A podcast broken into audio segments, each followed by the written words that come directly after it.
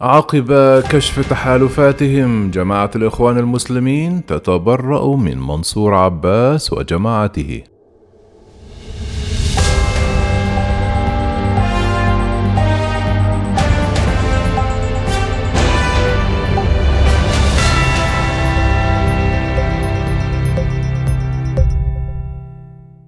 بعد أن تكشفت اللعبة وتبين للجميع تحالفاتهم مع إسرائيل أعلنت جماعة الإخوان تبرؤها رسميا من الإخوان. من الأقلية العربية في إسرائيل منصور عباس الذي ظهر إلى جوار نفتالي بنت الزعيم الإسرائيلي اليميني المتطرف وحلفائه. وذلك بعد لحظات من الموافقة على توليه رئاسة الوزراء ومنحه أغلبية حاكمة في البرلمان. وقالت الجماعة في بيان رسمي اليوم الاثنين إن منصور لا ينتمي لها فكريا أو تنظيميا وكذلك حركته المسمى بالحركة الإسلامية وأنها بعيدة عن الإخوان. ونفي البيان صلة الجماعة بالحركة الإسلامية التي أسسها عبد الله نمر درويش قبل خمسون عاما على أسس وأفكار الجماعة الإخوانية. ووفق المعلومات الرسمية عن الحركة التي تنتمي فعليا لتنظيم الإخوان في إسرائيل فإنها تأسست على يد عبد الله نمر درويش الذي ولد في عام 1948 في قفر قاسم وعقب تخرجه في العام 1971 من المدرسة الإسلامية في نابلس. عمل نمر على تأسيس الحركة داخل الأراضي الفلسطينية بفكر حركة الإخوان المسلمين. وفي عام 1972 أقام درويش أول نواة للحركة الإخوانية في كفر قاسم ثم توسعت ووصلت إلى كفر برا جلجلية الطيرة والطيبة وأم الفحم وباقة الغربية وجد والنقب والناصرة وبلدات الجليل. واعتقل في عام 1981 وحكم عليه بالسجن لمدة أربعة أعوام. أمضى منها ثلاثة أعوام وأفرج عنه في عام 1984 وعقب خروجه من السجن تغير كثيرا وبدأ يخفف من حدة انتقاداته لإسرائيل وتوسع في إنشاء شبكات من الجمعيات والمؤسسات الخيرية والطبية.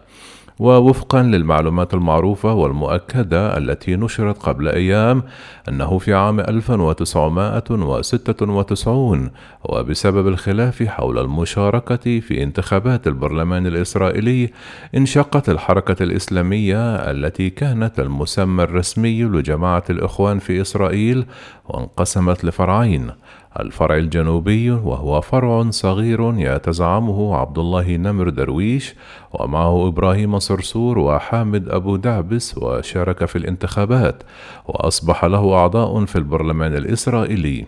منهم عبد الملك الدهاشمة وعباس منصور وتبنى هذا الجناح ما عرف باسم المقاومة المدنية وتجنب التصادم مع إسرائيل والمشاركة في الانتخابات ودخول الكنيست كوسيلة لانتزاع الحقوق الأقلية العربية.